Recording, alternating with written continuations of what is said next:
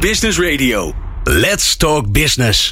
Met nu People Power. People Power is een programma over de kracht van mensen in organisaties. Met interviews en laatste inzichten voor betere prestaties en gelukkige mensen. Om mee te kunnen met de razendsnelle veranderingen moeten de meeste organisaties hun manier van werken voortdurend aanpassen. Maar hoe verander je mensen?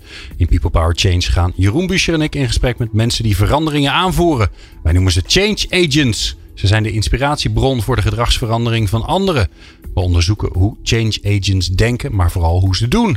Hoe veranderen zij organisaties, teams of individuen? Met in deze aflevering Christian Kraaienhagen en Sandra Horlings van InnoBoost. Wil je nou de nieuwste afleveringen van People Power via WhatsApp? Sla ons nummer dan op onder je contactpersonen 06 45 66 75 48. Stuur ons een berichtje en je naam en podcast aan. Dan sturen we je de nieuwste afleveringen direct zodra ze online staan. En ging het nou allemaal veel te snel? Ga dan even naar onze website peoplepower.radio, want er staat alles netjes nog eens een keer op papier. Fijn dat je luistert naar People Power Change. People Power. Inspirerende gesprekken over de kracht van mensen in organisaties. Met Jeroen Buescher. Dames en heren, eh, fijn dat u luistert op een winderige dag in het donkere stuk van het jaar.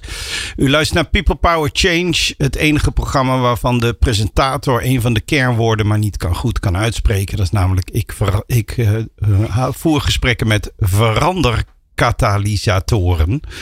Mensen die binnen veranderingen uh, zichzelf zien als katalysator van die verandering. En, uh, en het centrale vraag in ons programma People Power Change is hoe dan? Hoe krijg je die verandering voor elkaar? En zoals mijn, mijn, mijn radio-echtgenoot al vertelde, vandaag in de studio Christian Kraaienhagen en Sandra Hornings van InnoBoost. Christian en Sandra, welkom. Dankjewel. Dankjewel, Jeroen. Een tweeling voor deze keer. Dat is fijn. Meestal praat ik mensen één op één, maar deze keer een tweeling. Nou, jullie weten, jullie weten geen van de vragen. Ik ook nog niet. Die gaan allemaal vanzelf komen. Maar jullie weten alleen de eerste vraag. En uh, ik begin bij Sandra. Uh, wat heb jij nodig om te kunnen veranderen? Ah, wat ik nodig heb om te veranderen is de wil om iets te bereiken en de frustratie dat mijn huidige gedrag daar niet genoeg voor is. En die frustratie moet groot zijn. En waar voel je die? Ja, die, die voel ik in mijn, uh, in mijn lijf. Uh, uh, want anders begin ik me een beetje te schamen voor mijn eigen gedrag. En denk oh, nou is het echt tijd dat ik dingen verander. Dus het is, het is veranderen vanuit ongenoeg eigenlijk. Ja, maar ook wel met de wens om vooruit te komen. en dan weet ik meestal wel wat een betere oplossing is. Maar dat daadwerkelijk gaan doen en doorvoeren, daar moet dus het ongenoegen bij gehouden worden. Ja, en ik begrijp hem. Christian, ja, voor jou dezelfde vraag. Ik uh, gebruik uh, energie door het hardlopen in het bos. En dat is een veranderenergie? Ja. Zonder hardlopen in het bos uh, of in de natuur, dan kan ik die verandering niet tot stand brengen. En Lekker gewoon op de grond, gedachten helemaal leeg, niks, gaan, voortbewegen. En dan komen de beelden. Dan komen de beelden. Ja. Wil je geloven dat ik dat precies zo heb?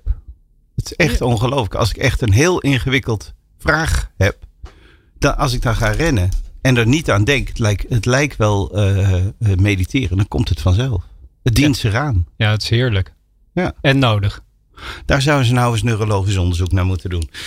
Um, dat hebben ze vast wel gedaan. Uh, uh, vast, toch? Maar, uh, maar ja, dit is niet people power onderzoek. Maar oh. we, we, we, verlangen er nogthans naar. InnoBoost. Ehm, de, wie moet ik aankijken van jullie twee? Wat doet InnoBoost? Sandra. Ja, oké. Okay. Ja, ik, ik, dacht aan wie kijk je, maar je kijkt naar mij. Nou, wij uh, helpen eigenlijk om bedrijven uh, uh, vooruit te brengen. Door alle ideeën die ze hebben concreet te maken en te kijken hoe kunnen die met mensen samen gerealiseerd worden. Ik begrijp dat daar ook nog een, een duurzaamheidscomponent aan zit. En het leukste vinden we het als die ideeën ook echt iets bijdragen wat leidt tot uh, mooiere wereld, schonere wereld, veiligere wereld. Uh, dus impact heeft. Ja. Christian, is de voorwaarde om met de klant te kunnen werken? Ja, ja. het is wel een voorwaarde. We willen graag uh, winst creëren om trots op te zijn, zo noemen we dat. En ja, we kijken wel, um, we oordelen niet, proberen zo min mogelijk te oordelen. Dus je kan niet zeggen die klanten niet, maar zijn aantal klanten is wel als ze echt geen beweging willen maken naar een, wat wij zeggen, mooiere wereld of duurzame wereld, wordt het lastig. En uh, kan je, Sandra, kan je me dan een schetsen? Wat is nou een type vraag waar een klant bij jou komt? Dat de luisteraar zich kan voorstellen. Wat? Tring, hallo, InnoBoost. Ik heb schitterende verhalen via de radio over jullie gehoord. Wat, wat voor type vraag krijgen jullie voorgelegd? Nou, uh, stel je voor dat je uh, heel veel producten verkoopt via het internet. En dus consumentenrecht. Dus mensen mogen het product thuis openmaken en gebruiken en dan terugsturen. Dus dat betekent dat er ontzettend veel eigenlijk overproductie is, maar ook heel veel waardevernietiging in, in iets wat nog helemaal niet gebruikt is of, of één keer gebruikt is. ja, daar zit natuurlijk, dat is zonde. Uh, dus de vraag is, hoe kunnen we die producten die terugkomen uh, misschien wel opnieuw gebruiken? Dat betekent dat ze soms schoongemaakt moeten worden of ontworpen zodat je ze makkelijk uit elkaar kan halen. Uh, uh, of mensen het aanbieden en zeggen: neem je genoegen met een gebruik, uh, gebruikt product of wat waarvan de doos al stuk is. Maar daarmee creëer je eigenlijk een, nou ja, voorkom je die waarde, dat waardeverlies, dat, dat wat we allemaal met elkaar vernietigen. En dat zet je om in een nieuwe kans voor het bedrijf om toch weer daar iets aan te verdienen. Dus de vraag die jullie bereikt is van wij, wij sturen veel spulletjes op en dan krijgen we een gedeelte van terug. Uh, nu kunnen we er niks meer mee. Uh, kunnen jullie eens een innovatietraject bij ons doen om te kijken hoe we daar anders mee om kunnen gaan? Ja, dat is een voorbeeld. Ja. ja. Um, uh, is er dan verschil in jullie rol, Christian, Sandra? Doen jullie daar iets verschillends in? Hebben jullie een specialiteit? Of, of, of, zijn jullie van de categorie alles? Hoe zit dat, Christian? Nee, we, we zijn niet alleen Sandra en Christian. We zitten nog wel met meer mensen. Um, omdat we uh, zien dat de innovaties en ook duurzame innovaties, daar heb je natuurlijk veel brillen voor nodig. Uh, dus we, we, proberen zoveel mogelijk diversiteit of variëteit te hebben. Dus sowieso uh, kijken we anders naar die innovatievraagstukken in de wereld. maar we hebben ook al inderdaad nog wat, laten we zeggen, diepteprofielen. Zoals bijvoorbeeld Sandra meer over branding, merken. En ik zit wat iets meer op de circulaire of kringlopen economie. En iets meer over wat we noemen verdienmodellen of businessmodellen. Maar zo heeft iedereen zijn eigen ja, kracht en, uh, en samen maken we daar wel het verschil, denk ik. En ik kan me zo voorstellen dat de vraag uiteindelijk het team genereert. Ja. ja. Mhm. ja. Oké. Okay. Uh, uh, ik heb een online winkel. En wij sturen allemaal spulletjes. En die worden dan opengemaakt. Maar die willen ze dan niet. Sturen ze terug. En we willen kijken. Wat vinden we zonde? Het kost kapitaal. Maar het kost ook bomen of de wereld. En we willen jullie graag eens uh, uitnodigen om mee te denken hoe we daar anders mee om kunnen gaan. Hoe beginnen we dan, Sandra? Ja, het begint eigenlijk altijd om inderdaad te kijken van het is een probleem, we kunnen dat ook in een opportunity, dus in een kans uh, benoemen. Uh, dus wij hebben het in de voorbereiding hierover gehad. Over stel je voor dat jullie die vraag zouden stellen. Niet alleen een, uh, een online winkel, maar misschien een radioprogramma. Nou, dan kan je kijken wat, wat is de uitdaging die je hebt. Wil je meer uh, luisteraars? Wil je dat ze vaker luisteren? Het wordt, het wordt interessant nu, Jeroen. Ja, ja? gratis consult. Ja, ja Glenn, wat wil je? wil je? Is er een uitdaging? Zeg je, ik wil jongere luisteraars hebben? Nee, nee. Nee? Nee, nee hoeft niet. Jonger niet. Nou ja, goed. maar wel meer, toch? Um, nou, dat is nog een interessante vraag. Meestal is dat, hè, dat is natuurlijk hey jongens, een, een zal ik even een, eh, een, een, Chinese rijsttafel gaan halen? Ja, dat lijkt me een top idee. Ja, ja. ja Doe maar, uh, in, jullie een biertje erbij ook? Dan neem ik van die plastic bakken, dat we geen afval hebben. Ja? Maar ga rustig door. Nee, de uitdaging denk ik voor People Power is uh, um, uh, niet zozeer om nou heel veel meer luisteraars te hebben, maar wel om um, de juiste luisteraars te hebben. Ja, dus Kijk. het begint bij wat is je uitdaging, de juiste ja. luisteraars krijgen. Maar tegelijkertijd hè, ook wat is dan de impact die je met die luisteraars wil bereiken. Ja. Uh, en wat jij net zei, er zit bij ons een stevige uh, component in om echt vooruitgang te boeken voor de wereld om ons heen. Dus het kan zijn dat je zegt, ja, ik wil gewoon dat mensen die normaal geen toegang hebben tot bepaalde kennis, hè, dat die dat uh, ook vinden via ons. Uh, uh, of ik wil uh, dat de kennis komt op plekken waar het veel meer impact kan realiseren. Dus we kijken eigenlijk aan twee kanten. Wat is de uitdaging? En die proberen naar een kans te vertalen.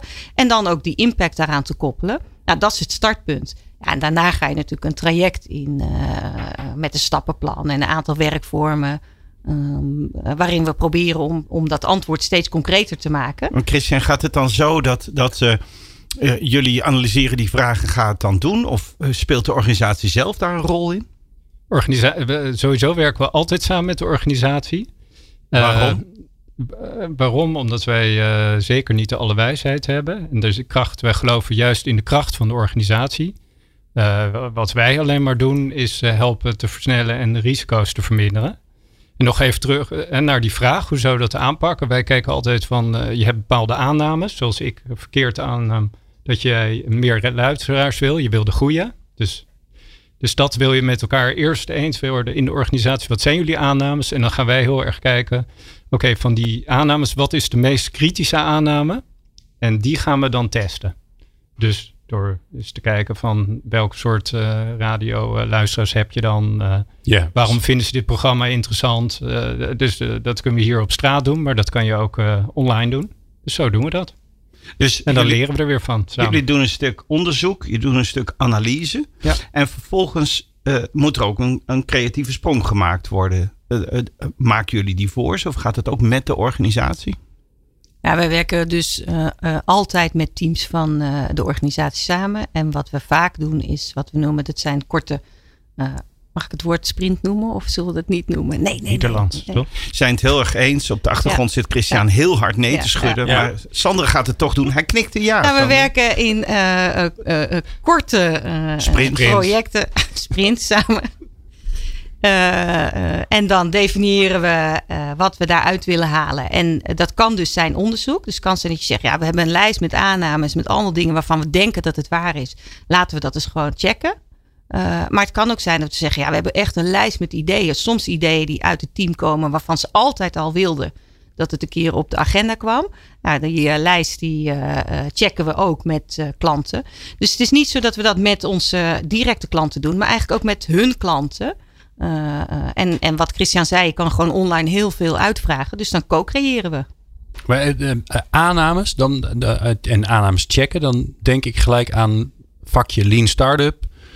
dus hypotheses maken. Oh, gaat dat wel echt gebeuren? Controleren of dat zo is. Dat doe je natuurlijk ook in, in sprints in korte termijn. Zit dat, dat dan achter, Christian? Ja, het principe dat, dat zit erachter inderdaad. Ja. Oké. Maar jullie kiezen er dus voor om afhankelijk van wat er nodig is invulling te geven. Dus de ene keer ga je een aanname testen, de andere keer ga je iets anders doen. Ja, klopt. En bij, wat, wat, uh, wat we daarbij toevoegen, dat is eigenlijk het belangrijkste, dat je daaruit blijft leren. Dus je hebt een, op die basis van die, inderdaad, die aanname en die test, dan leer je wat. En daarom moet je juist ook met de organisatie samenwerken om dat collectief eh, te begrijpen en daar weer een stap in te nemen. En in principe zijn dit dingen die, als je het zo uitlegt, die allemaal wel vormen zie. Je, je, moet eerst goed nadenken. Wat wil ik nou eigenlijk? Je moet zien je eigen aanhouders proberen te overwinnen. Maar misschien een rare vraag. Maar waarom kunnen jullie klanten dat eigenlijk niet zelf? Waar hebben ze jullie dan eigenlijk voor nodig? Ja. Ja. Ja. Moeten we onze klanten vragen.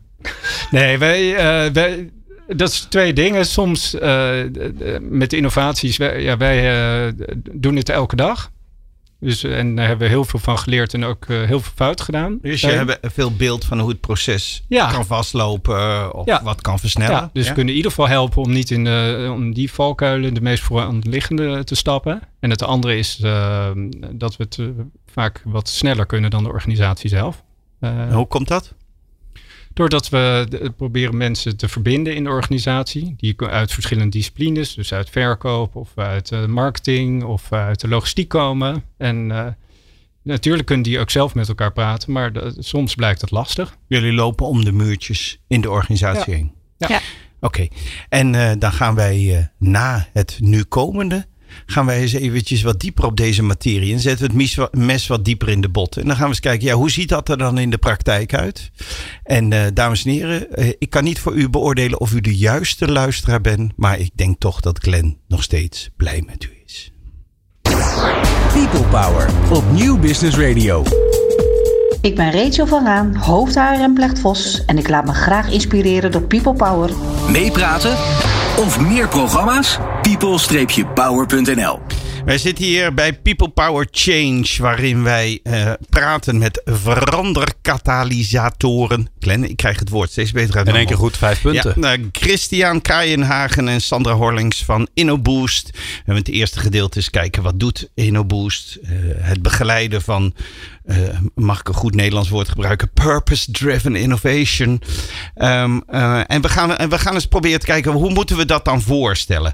Um, Christian, ik kan mij voorstellen als die klant aanbelt dat ze helemaal niet komen met wij willen de wereld mooier maken. Ze, hebben, ze denken ergens meer geld. Het is misschien iets te negatief ingestoken, maar de meeste organisaties zijn nog steeds veel meer gedreven in het verlagen van kosten en het verhogen van inkomsten, dan dat ze bezig zijn de wereld beter te maken. Ehm, ehm, wat, wat, het eerste wat ik wil weten, hoe breng je dat maatschappelijke in die vraag? Nou, daar, daar hebben wij wel mee uh, geworsteld in het begin. We dachten, of ik dacht in ieder geval even over mezelf praten, dat mensen inderdaad duurzaamheid. Uh, dat, ze, dat dat de vraag zou zijn. Maar uh, gelukkig uh, kwamen we er heel snel achter dat dat uh, niet zo is. of nou, niet gelukkig, maar de vraag is inderdaad anders van in het, in het voorbeeld van de webwinkel. Hoe kan ik groeien? Ik heb al iets op de markt. kan ik naar andere markten? Dus de klassieke innovatie of marketing ja. of de financiële vraagstukken. Dat, dat is altijd waar mensen bellen. En flauw gezegd, daar is budget voor. Ja, ja. Dus wie, wie belt ons? Dat zijn de, de, of van een middenbedrijf de directeur of de marketingdirecteur of de innovatiedirecteur weer van, van wat grotere bedrijven. Of, uh, en wat zijn jullie argumenten om die, dat, dat maatschappelijke erin mee te nemen? Want moet je het dan de klant opdringen? Of kunnen jullie ook de klant vertellen waarom dat een meerwaarde heeft op het project? Ja, dus wij proberen dat uh, er in ieder geval niet op te dringen. Dus we willen het liefst, uh, omdat we samenwerken met de klant, dat de mensen daar zelf uh, achter komen. Dus we verleiden. en dat doen we bijvoorbeeld door te vragen van naast dat we waarde voor de klant willen creëren, een financiële waarde. Als je dan nog verder kijkt, je hebt hier je rol in, ook in de maatschappij. Wat is dan je rol? En wat is jouw impact, Engels, uh, op de natuurlijke omgeving. Ja. En dat is wat, uh, wat we elke keer weer proberen uh, te vragen. Maar vinden ze je dan geen zeikerts? Nee, ze vinden ons visionairs. Sandra knikte eerst ja trouwens, de luisteraars. Ik moet, dat, ik moet dat er wel even bij zeggen. Nou, dan moet je me geen gedrag in de mond leggen. Dan deed je het onbewust, Sandra. Uh, uh, wat? Jullie, ze zien jullie als visionairs? Nee, maar kijk, zo eenvoudig als de vraag is, zo wordt die meestal niet gesteld. Dus het gaat over, jongens, een concurrent van mij die doet iets uh, uh, op het vlak van duurzaam. Nou, moet ik mee of niet? In welk tempo moet ik mee? Uh, ik zie dat, men, dat ik geen medewerkers meer kan krijgen, want die willen allemaal bij een purpose-driven organisatie werken. Dus die willen iets anders doen. Dus hoe, hoe word ik relevant voor uh, nieuwe medewerkers? Uh, mijn supplier heeft een fantastisch gaaf recyclebaar product, maar daar moet ik een kwartje meer voor betalen. Loont dat en hoe loont dat? dus is, dat is net als in de echte wereld. Zijn maar merk je nou, Sandra, hè, dat schiet me even te binnen. Merk jij nou dat Um, uh, wat het leuk is, ik heb ook nog een ander programma. Dat gaat over duurzaamheid. Um, dus ik kan dus nu en dan verbandjes leggen. Um, merk je nou dat als het gaat over innovatie, gaat het natuurlijk altijd over de toekomst. Over iets doen wat er nog niet is. Of iets doen wat, of iets aanpassen zodat het beter wordt. Merk je nou ondertussen dat duurzaamheid daardoor heel erg logisch wordt om mee te nemen? Want als je iets gaat doen wat over twee, drie jaar pas iets gaat worden. Ja, waarom zou je het dan niet duurzaam doen gezien de hele trend die er is? Ja. Dan ben je eigenlijk heel dom bezig. Ja, dus in die zin snijdt het mes altijd aan twee kanten op het moment dat wij dit uh, uh, onderwerp aansnijden. Uh, het, is, het is beter uiteindelijk voor je business. Er zijn veel onderzoeken die dat hebben aangetoond. Maar het is ook een manier om toekomstvast te worden. en als, we, als je dus steeds kijkt van hoe kan ik voor klanten, toekomstige klanten, waarde creëren. Want dat is dan de vraag die erachter ligt. Ja, dan, dan moet je over de barrières van de toekomst heen kijken. Eigenlijk is, is duurzaamheid een nieuw rand voorwaarden. Ja. Het is niet een doel op zich. Maar het is net zoals dat je zegt, nou, bij die innovatie mag dan na een jaar ongeveer 20% van mijn, uh, mijn medewerkers ongeneeslijk ziek zijn. Nee, nee, dat mag niet. Dus, dus dat is een randvoorwaarde. Maar zo is nu ook duurzaamheid dus een randvoorwaarde eerder geworden. Die jullie dan wel inbrengen vanuit je ervaring en je eigen positie die je neemt. Ja, en er zit er voor mij ook nog wel een kans in. Dus ik heb ooit uh, ergens een, uh, een, lezing gegeven. Toen zei iemand, oh, dus de volgende ISO-norm die we, waar we aan moeten voldoen. Nou, dat is zo. Maar op het moment dat je eigenlijk gewoon heel goed weet waar je als organisatie staat. En hoe je uh, waarde. Dus, dus zeg ja, hier, dit is mijn positie, die wil ik versterken en uitbreiden. dan, dan is het beyond die ISO-norm. Dan geeft het je gewoon veel meer kansen. Hm. En dan ben je dus al voorbereid. Je bent sneller op de markt omdat je veel experimenten hebt gedaan. Het waait er nogal hard de afgelopen tijd. Ja. Ehm, het zijn natuurlijk ook de, de problemen van de toekomst. En als, een als je een probleem kan oplossen, kan je er geld mee verdienen. Zo simpel is het ook weer, toch? Ja, ja. ja en net in de pauze hadden we het even over wat is, de, eh, wat is eigenlijk de, de purpose van bedrijven? Uh, is dat winst maken of is dat iets anders? Uh, ja, we zijn ons natuurlijk gaan organiseren in bedrijven. Omdat we werkgelegenheid konden creëren. Of omdat we geld konden verdienen om in een, in een community meer dingen te doen met elkaar. Dus die, die basiskracht die in organisaties zit en, en, in bedrijfsleven. Ja, dat brengt ons gewoon heel veel. Dus daarom zeggen wij ook, we werken het liefste met uh, uh, het bedrijfsleven. Omdat daar ook veel snelheid gemaakt kan worden. Juist doordat je moet aantonen dat het levensvatbaar is en dat het winstgevend is. Ik wil graag het uh, voor me kunnen zien. We hebben jullie ingehuurd. Um, uh, wij zijn, uh, ik ga sorry voor jou, Glenn. We zijn toch even dat bedrijf die, die veel spulletjes teruggestuurd krijgt. Hoe begint zo'n proces? Kan je, jullie organiseren sessies of wat, wat, wat moet ik me voor, voor me zien? Wat, ga, wat stel je voor om te gaan doen? Christian. Eerst bedanken voor de vraag. Maar uh, nee, we willen dus heel graag de, de vragen en Dames achter de vragen. Wij kunnen constateren dat InnoBoost een hele eigen vorm van humor heeft. Dat is sowieso al vernieuwend. Dat kunnen we wel zien. Nee, ja, maar ga verder. We hadden het net over, al over de aannames, dus dat stuk gaan we niet herhalen. Uh, wat we heel snel willen weten van wat is, uh, wat is jullie probleem en vooral uh, van jullie klant. Dus wij willen heel graag dat buitenperspectief weten. Daarnaast willen we nog even toevoegen, we hadden het over de duurzaamheid. Is het nu logisch? Ja, als je klimaatakkoord, zeker in Nederland, uh, doelstelling op circulaire economie, alles. Dus bedrijven die, die zijn in die zin uh, ook niet helemaal. die snappen het ook. Die snappen wel ook dat er een bepaalde context is wat ze iets mee moeten of willen doen. En bovendien, we, laten we ook niet gek zijn. Uh, wij zijn zelf mensen die in bedrijven werken. Daarom. En zoals wij ook zeggen, ja, we moeten, we moeten toch onze verantwoordelijkheid nemen. Ja. Ik moet je zeggen, er wordt nog alles cynisch gepraat over organisaties. Ik kom in die organisaties nooit iemand tegen die zegt, ah, wat kan mij die hele wereld verrotten. Nee. Dus heel simpel. Niemand zegt er nee. Maar goed, weer terug. Wat gaan we concreet doen? Uh, we, we, gaan dan uh, begrijpen wat het probleem is, die, die aannames. Uh, dan gaan we vaak, als we helemaal bij nul beginnen, willen we graag weten wat hun kijk op de wereld is. En hoe doe je dat? Door bijvoorbeeld te kijken hoe ziet, zou de wereld in afhankelijk in wat voor een snelheid van business zit, over vijf jaar eruit of tien jaar of twintig jaar eruit. Dus we proberen mensen even een oefening van ver kijken te krijgen. Je, je zet ze bij elkaar en je laat ze eigenlijk fantaseren over de toekomst. Ja, letterlijk. En, ja, en ja. Dat, kan, dat kan bij bedrijven zelf, maar het liefst gaan we naar een omgeving wat, wat, wat incomfortabel voelt of waar mensen er ook even uit zijn en niet, even dromen. Niet achter de computer zitten of op een mobiele telefoon. Ja. Dus even echt proberen van buiten naar binnen. Ik had het net over hardlopen in de natuur. Ik vind zelf bijvoorbeeld concreet heel leuk om mensen uit wandelen te nemen en dan is het uh, gesprek te hebben. En dan zie je toch dat er al eerste dingen komen. Nou, dan willen we weten wat hun uh, kijk is op de buitenwereld. Dan willen we ze natuurlijk weten van hoe ga je dat concreet dan vertalen? Wat betekent dat voor jullie? Nou, en dat, uh, dat we gaan proberen we dan ook als eerste stappen te nemen. Uh, om het ook weer heel erg klein te maken. Dus van heel ver, lange termijn, naar heel dichtbij. Wat betekent dan voor morgen of volgende week over een paar jaar? Dan gaan wij, wat we zeggen, een, een, een, waardepropositie maken. Dus op basis van wat wil de klant. En denkt daar wederom mensen van de klant over mee of maken u dat voor hen?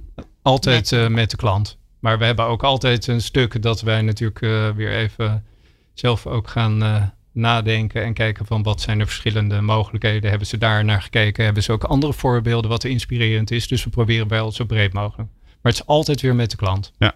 En waarom is het zo essentieel, Sandra? Om dat proces zo met die klant vorm te geven? Omdat zij veel kennis hebben uh, van de details en we dan ook moeten weten wat daar de blokkades in zijn. Dus we hebben ze heel hard nodig om uh, echt goed te begrijpen hoe, hoe we uit die huidige situatie kunnen uh, omturnen. Dat is één. En twee is, als wij het een keer hebben voorgedaan, dan hopen we dat ze ons misschien daarna nog een keer nodig hebben. Maar daarna kunnen ze het zelf. En dan kunnen we met z'n allen een beetje versnellen in de wereld. Uh, dus dus uh, Irene Koel roept altijd, er moeten meer voorapers komen. Ik vind het leuk dat wij ook eigenlijk een beetje een soort voorapers uh, zijn. Zodat we mensen meenemen om dit gewoon toe te gaan passen. Maar wat doe jij als je bij die klant bent fundamenteel anders dan die klant? Wat, wat, welke blik of welke gedachte breng jij in die zij zelf niet hebben? Kan je dat benoemen? Jij katalyseert daar op die verandering als je met zo'n groep bent. Wat doe jij dan anders dan zij? Nou, dus het voordeel omdat je van buiten komt, dus kun je eigenlijk heel snel uh, uh, proberen om tot de essentie terug te brengen. Dus we proberen echt ook waar die ideeën nog een beetje fussies zijn, om dat uit te schrijven en te zorgen dat dat, dat ideeën zijn waar mensen ja tegen kunnen zeggen. Je zegt dus, eigenlijk deze, ik hoor je dit zeggen, klopt dat? Ja, en dan in, in korte zinnen. Uh, dus ik denk, het betekent dat we heel snel schakelen tussen alles wat er uh, gebeurt. Wat Christian ook zei. Uh, of het nou sales is of marketing of innovatie of technologie. wij zijn daar niet specialist op, maar we kunnen wel heel snel die verbinding daartussen leggen. En ik moet dat, ik denk altijd aan een oude manager van mij die zei: Wat kun jij goed met die beleidsmakers en met die marketeers praten? En ik, nou, ik dacht daar niet zoveel van op dat moment, omdat ik dacht, je kan toch met iedereen praten. Maar dat iedereen praat toch blijkbaar in hele andere soorten talen. En dat uh, helpen te vertalen en te verpakken op een manier dat mensen zeggen, ja, daar heb ik uh, plezier in om uh, verder aan te werken. Ik denk dat dat een, een manier is om het voort, voort te brengen. Ja, een paar duizend jaar geleden is met het bouwen van een of andere grote toren heel erg misgegaan. Ik zie daar ineens een opdracht die jullie mooi gepast zou hebben. Ja. Het vertalen van al die verschillende talen die eigenlijk in een organisatie zijn, omdat het verschillende invalshoeken zijn. Ja, en het is niet alleen in organisaties, hè, maar zeker als je uh, duurzaam wil innoveren, heb je gewoon leveranciers nodig, heb je uh, medewerkers nodig, klanten, uh, misschien de buurt om je heen, hè, als je iets wil veranderen.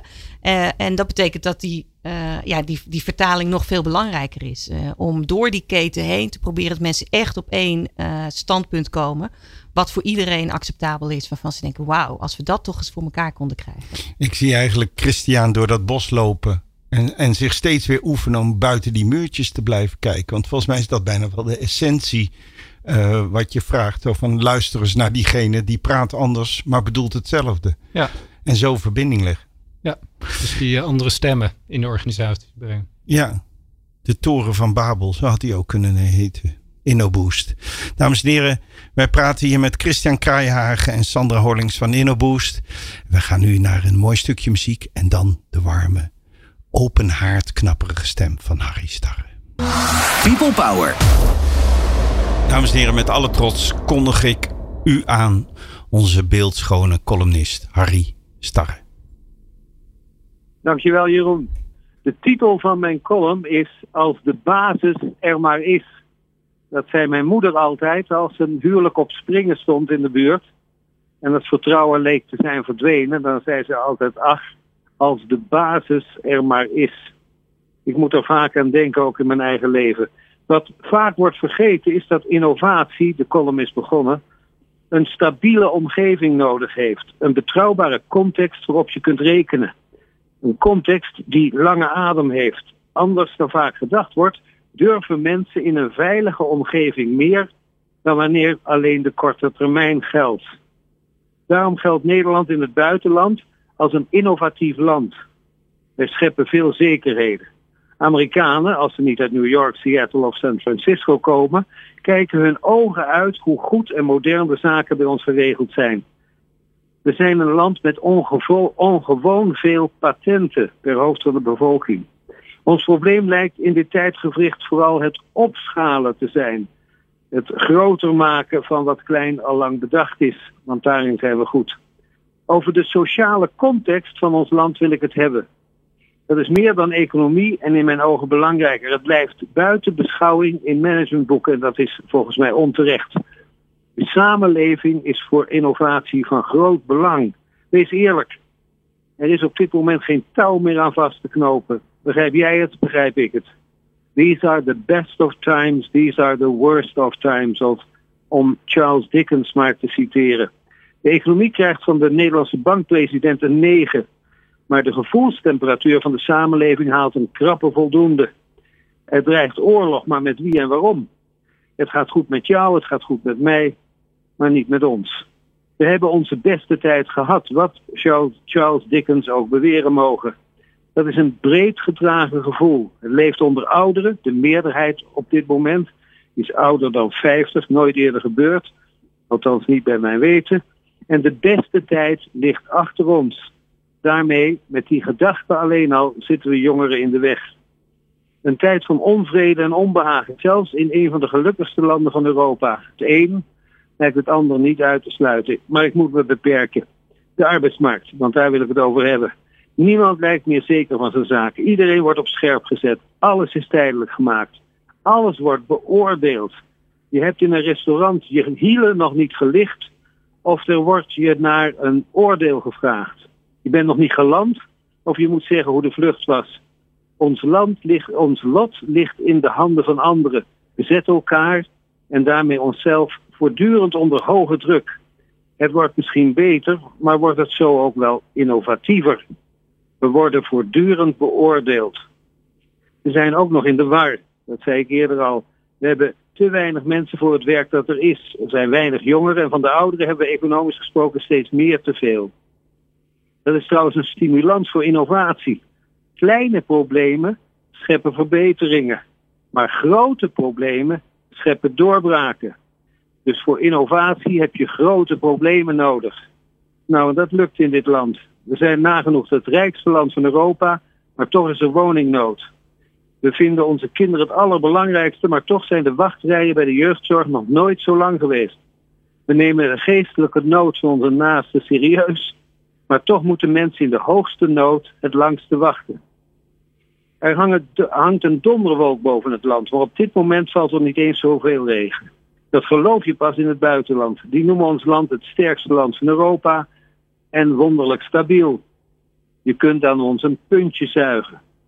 De tijden zijn verwarrend, maar toch ook weer niet als je vanuit het buitenland naar ons land kijkt. Kijk, en dat is pas verwarrend. We zijn van één ding steeds zekerder aan het worden. We worden de onzekerheden zat. De gedachte wordt, ook als je met onzekerheid om moet leren gaan, is het zaak die onzekerheid niet groter te maken dan die hoeft te zijn. Want we hebben onzekerheid zat. Verandering of het gebrek eraan, die zijn ons probleem niet. Hou op over verandering die is volop voorhanden. De hunkering van echte mensen is bij die verandering het verlangen naar bestendigheid. En voor bedrijven is het niet anders. Dat dingen betrouwbaar blijven en dat je zeker bent van je bestaan. We willen een basis bouwen waarop onzekerheid bestaansrecht vindt, gedragen wordt op een fundament. Een basispensioen voor iedereen, een zorgverzekering voor iedereen, werk voor iedereen, een dak boven het hoofd voor iedereen en een loon dat ook zonder toeslagen voldoende is, want toeslagen zijn bij voorkeur en altijd tijdelijk. Dat mag het alsjeblieft niet altijd op scherp hoeven staan. Want we deugen allemaal, de meeste zeker. Dat staat vast, dankjewel Rutger Bregman. We kunnen, lieve luisteraar, zoveel is zeker, alle onzekerheden aan. Als er maar een basis is. Dames en heren, Harry Starre. People Power met Glen van den Burg. Ik ben Lars Blauw adviseur duurzame inzetbaarheid bij Centraal Beheer Open. Ik ben Rachel van Raan, hoofd en Vlechtvos. Ik ben Mark Jansen, senior medewerker Learning and Development bij Paresto. Ik ben Aniek van ELO en ik luister natuurlijk altijd naar People Power. Want People Power is er voor jou en niet andersom. People Power op Nieuw Business Radio. Wij praten bij People Power Change. Mijn naam is Jeroen Buscher met Christian Kraaienhagen, Sandra Horlings van InnoBoost. En Glenn van den Burg is ook in de studio, dus schrikt u niet, luisteraars. Schrikt u niet. Um, um, ik, we hebben het gehad over eh, natuurlijk wat jullie doen. En dan hebben we gekeken naar, naar dat, dat, dat innoveren en wat die, wat die partij van buiten kan doen. Wat zijn de drie grote veranderingen? Of de, nee, de drie grote componenten waarvan je denkt, als, als we in een opdracht blijkt dat altijd een belangrijke rol te spelen. Sandra, ik begin bij jou. Wat, waar, waar, waar komen jullie altijd tegen? Nou, ik ben blij dat dit programma People Power heet. Want het begint natuurlijk altijd bij mensen. Uh, en een van de dingen is uh, dat wij altijd vragen, doen een 5P-opdracht noemen we dat. Wat vind je nou echt belangrijk in je eigen leven? Wat zien de mensen direct om je heen, dus je familie, je vrienden daarvan? hoe uit je dat dan in je professionele leven? wat is daarvan dan zichtbaar in de organisatie op een wat groter deel en dan voor de rest van de wereld? en het grappige is, als je mensen dat vraagt, ehm, dan kunnen ze dus op een gegeven moment die oefening kunnen ze heel goed duiden wat zij belangrijk vinden om bij te dragen aan de wereld. en dan heb je ineens een gesprek over hun rol en de acties die ze daarop gaan nemen. Dus je probeert eigenlijk innovatie niet een opdracht van het bedrijf te maken, maar iets wat de mensen die het bedrijf vormen zelf ook willen. Ja, want anders krijg je geen verandering. Ja, ja, dus je, je draagvlak is uiteindelijk het verzorgen dat mensen hun eigen drijfveer in wat ze willen bijdragen aan de wereld uh, volgen. Ja. En aan de organisatie. Want het een kan niet buiten het ander en het ander kan niet buiten. En het is niet zoals we een innovatie doen waar de wereld van beter wordt en het bedrijf gaat failliet. Dan dan hebben we nog niks gedaan. En als het iets is waar het bedrijf steeds rijker van wordt, maar de wereld gaat naar de kloten, dan, dan hebben we ook niks. Dus, en dat, dat komt eigenlijk samen in mensen zelf, zeg je. Ja, dus om, juist om in die samenwerking met uh, verschillende partijen te kunnen realiseren, moet je gewoon bij jezelf beginnen. Wat ga ik hieraan bijdragen? En nou ben ik die hele conservatieve, uh, eventjes heel flauw, met drie dubbele onderkin-directeur die zegt, ja, maar als we zo gaan doen, dan gaan ze allemaal leuke dingen verzinnen. En dan, uh, dan gaan ze buiten spelen, maar wij als organisatie schiet er niks meer op. Ik heb zelf denk ik het antwoord. Maar denken mensen dan zo? Gaan ze dan alleen maar in speeltuin denken? Wel nee, mensen zijn uh, volwassen genoeg om echt uh, gewoon die, dat, nou ja, naar binnen te kijken en tegelijkertijd ook naar buiten te kijken. Zeker in, als we het net hebben over Nederland. We zijn allemaal gewoon goed opgeleid. we zijn goed geïnformeerd in het algemeen. dus het is ook het is wel de eerste stap ook naar verandering. Als mensen begrijpen wat ze zelf kunnen bijdragen. En we kunnen niet allemaal alles doen. Maar als je denkt, dit is eh, de eerste stap voorwaarts die ik kan zetten. Dan zijn we met elkaar toch alweer een stuk opgeschoten. Dames en heren thuis, voor de cynicus. Zelfs wetenschappelijk onderzoek laat zien dat dit echt zo is. Mensen zijn wel gedreven om en aan een mooiere wereld en ook aan het mooier maken van het bedrijf zelf na te denken. Dit was even een disclosure. Uh, Christian, het tweede grote element waarvan jij zegt, nou dat komen we eigenlijk in een project altijd, dat element keert altijd weer terug. Duurzame of uh, circulaire economie uh, businessmodellen. Dat komt heel, nu regelmatig terug. Wat bedoel ik daarmee? Ja, stel dat ik een, nu gewoon telefoons verkoop aan jou. dan betaal je daarvoor, zeg je bedankt. En als die kapot gaat, dan kom je nog een keer uh, terug. En dan repareer ik hem als hij in de garantie valt. Dat is het. Maar als je nu denkt, oké, maar dit wil ik duurzamer. Of als je ook nog zegt, ik wil dat in basis van de kringloop-economie. Dan gaan er een hoop dingen veranderen. Dan is het, oké, hoe ga ik, hoe moet die telefoon in elkaar worden gezet, zodat ik hem straks makkelijk uit elkaar kan halen, onderdelen kan verkopen of uh, vervangen. Uh, verder ga ik ook kijken van hoe uh, ga ik met jou of met je, jou contact houden. Want je hebt natuurlijk vragen. Ik ga jou een dienst leveren. Dus je gaat bijvoorbeeld betalen voor telefoongebruik. Nou, dan gaat iets veranderen. Dus hoe ga je daar je financiële systeem op inrichten? Als ik die telefoon dan opeens terug wil, hoe ga ik mijn logistiek dan opeens inrichten? Nou, daar hebben we geen mensen voor. Hoe, hoe doen we dat? Uh, dan ga ik weer uh, verder denken. Dus zo neem je elke keer weer een stap. Dat je opeens, dus mensen die opeens zeggen van ik wil van een product naar een dienst. Daar zie je nu heel veel voorbeelden van natuurlijk. Dat zijn op zich nog geen duurzame business of verdienmodellen. Wel als je dat helemaal door gaat werken en je de verantwoordelijkheid houdt en blijft houden over het product. En, en dat zijn uh, mooie vraagstukken.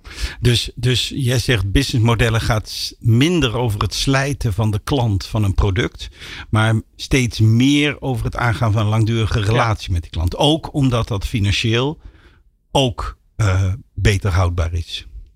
Ook, maar ook impact natuurlijk op de natuurlijke omgeving, omdat je minder grondstoffen gaat gebruiken. En je moet ook kijken of je daar ook nog een, een andere impact, zoals een maatschappelijke, bij kan hebben. Dus je gaat verder denken dan puur die financiële transactie waar we vandaan komen. Ja, ja. En, en dat wil zeggen, ik ga als organisatie een relatie met mijn klant bouwen. Uh, kan je een aantal uh, lichten schijnen op wat voor impact heeft dat dan voor een klant? Als ik abonnee van jou ben, maar niet meer een, een, een klant die wat koopt en wegloopt. Wat, wat is dat voor mij als organisatie dan een wezenlijk verschil? Nou, dat zijn veel organisaties niet vooral uh, gewend. Want als je voorheen uh, in het uh, geval van die telefoon, dan leefde je dat aan een winkel. En dan had je die relatie niet met de klant. Of misschien hè, nu online. En opeens moet ik, als jij gaat klagen of je hebt een vraag of, of iets anders, moet ik jou te woord staan. Dus ik, ik, moet de dialoog met mijn klant ja. aangaan. En, en ook goed begrijpen wat die klant verder wil. Dus zijn er misschien ook andere dingen? Kunnen we dat verder bouwen dan, dan alleen maar die telefoon? Want het gaat jou niet om uh, telefoon, maar het gaat jou om toegang tot uh, uh, internet of mobiliteit. Dus ik, ik, als ik hem nu verplaats naar wat Glenn er straks riep, ik wil, ik wil de juiste luisteraars. Het gaat niet over het werven van die luisteraars. Het gaat over nadenken welke relatie wil ik met die luisteraar ja. hebben. Ja, en hoe verloopt dat over de tijd? Dus niet alleen nu, maar ook over drie jaar of over tien jaar. Zeker als we met belangrijke ja, wereldproblematieken bezig zijn, zoals uh, duurzaamheid, sociale uh, en andere urgente vraagstukken. Ja. Klimaatveranderingen. Sandra, nog eentje. Drie nog hadden eentje. we eraf gesproken. Drie. Ja, ik denk lange adem. Um, wel, als je echte innovaties wil doorvoeren die er nog niet zijn, maar die misschien wel tien keer beter zijn dan wat er nu is. Uh, dat, dat gaat niet uh, van vandaag op morgen. Uh, dus als je ledlampen in een tunnel wil hangen, moet je wachten tot de wetgeving klaar is. Als er een elektrische auto op de snelweg mag rijden, moet dat geregeld zijn. Dus dat vraagt dat je een lange adem hebt. En wat wij proberen om die lange adem om te zetten, is iedere keer heel erg terug naar wat kunnen we wel realiseren. Wat, zijn, wat is een experiment? Wat is een kleine stap voorwaarts? Die leidt tot dat grotere doel, maar waarvan we al weten dat we een uh, behoefte invullen, dat er een verdienmodel achter zit en dat we langzaamaan met elkaar die stappen kunnen. Dus pragmatisch met Heel een visie. Ja, ja, ja. ja. Oh, ik bedoel, zien jullie veranderen veranderen? Ja. Zo. Dat is een drostenvraag. Ja. Ja. Mooi hè? Ja, ik, ik zie wel veranderen veranderen. Uh, omdat het nu meer om een systeemverandering gaat, misschien. Voor, voor individuele organisaties dan twintig jaar geleden. Uh, dus dat betekent dat je veel meer moet gaan samenwerken. Dat je veel meer moet. Uh, kijken. Je kan het niet meer alleen. Een organisatie kan het niet meer alleen. En het klinkt ook wel alsof innovatie is heel lang geassocieerd met creativiteit en het goede idee. Maar het lijkt wel of er een soort verschuiving plaatsvindt van het briljante idee. Is bijna een commodity. Zo belangrijk is dat niet. Ja, je moet wel een goed idee hebben. Maar uiteindelijk hoe het verwezenlijken daarvan krijgt steeds meer en meer Ja. aandacht. Want jullie, je- in jullie verhaal zit heel weinig van. eh, Dan gaan we brainstormen en doen we gek en dit en dat. Het is heel pragmatisch nadenken over de stakeholders, over de belangen, over de lange termijn. Op, op de, de, van de hele banale aspecten als van kan ons computersysteem het aan en gedrag van mensen. Het gaat steeds meer en meer lijkt veranderen over, over systemisch denken en steeds minder over creatief denken. Maar creativiteit blijft een onderdeel. Ik denk dat creativiteit zeker een, een onderdeel is. Uh, maar misschien moeten we het ook gewoon strategische vernieuwing noemen. Dat je in stappen uh, uh, vernieuwt naar. omdat innovatie een buzzwoord is. En creativiteit in die zin misschien ook wel. Laatste vraag. Ik herken, ik heel erg dat in organisaties. Ik, noem, ik heb er ook een nieuw woord voor bedacht. De waankolk. Zo vaak de bederver is van die ontwikkelingen. Want er is altijd in het nu iets wat nu eerst moet. Hoe bestrijden jullie dat? Dat mensen niet, ja, is heel belangrijk, maar vandaag moet nu eerst brandje nummer zoveel geblust worden. Ja, nou ja, ik denk dat we met die experimenten eigenlijk ook wel uh, uh, resultaat ophalen dat je iets snel kan doen. Dus we proberen het klein te maken, wat we net zeiden. Uh, en voor kleine dingen is vaak wel uh, tijd. Uh, en we proberen het ook altijd direct relevant te maken op waar ze nu mee bezig zijn. En dan toch een beetje te stretchen naar wat betekent dat voor morgen en overmorgen. Dus handel klein, denk groot. Ja, inderdaad. Wij waren in gesprek met Christian Kraaienhagen en Sandra Horlings van InnoBoost. Mijn naam is Jeroen Buescher en ik neem alweer afscheid van u. Dit was People Power Change en u verhunkert al naar die warme, licht erotische stem van daar komt die dames en heren, Glenn van den Burg. Dankjewel Jeroen. Ik begin er ook gelijk wat lager van te praten. Weet u wel dat uh, Glenn in de studio niets draagt trouwens? ja, nou dat zorgt er in ieder geval voor dat die webcam er voorlopig nooit komt. Uh, dankjewel Jeroen, het was weer een prachtige aflevering van People Power Change. In de volgende aflevering van People Power gaan we het hebben over duurzame inzetbaarheid. Floor van de Heuvel van de WENB. En dat zijn allemaal losse letters, dus niet W en dan N. Nou ja, je snapt wat ik bedoel. Die komt langzaam met Tom van Disseldorp van Centraal Beheer. Om te praten over dat ongelooflijk belangrijke thema. Dus dat de volgende aflevering van People Power. Kun je niet wachten, dan ga je natuurlijk naar peoplepower.radio. Kun je alle afleveringen, ook alle afleveringen van People Power Change, terugluisteren. Meepraten of meer programma's? people-power.nl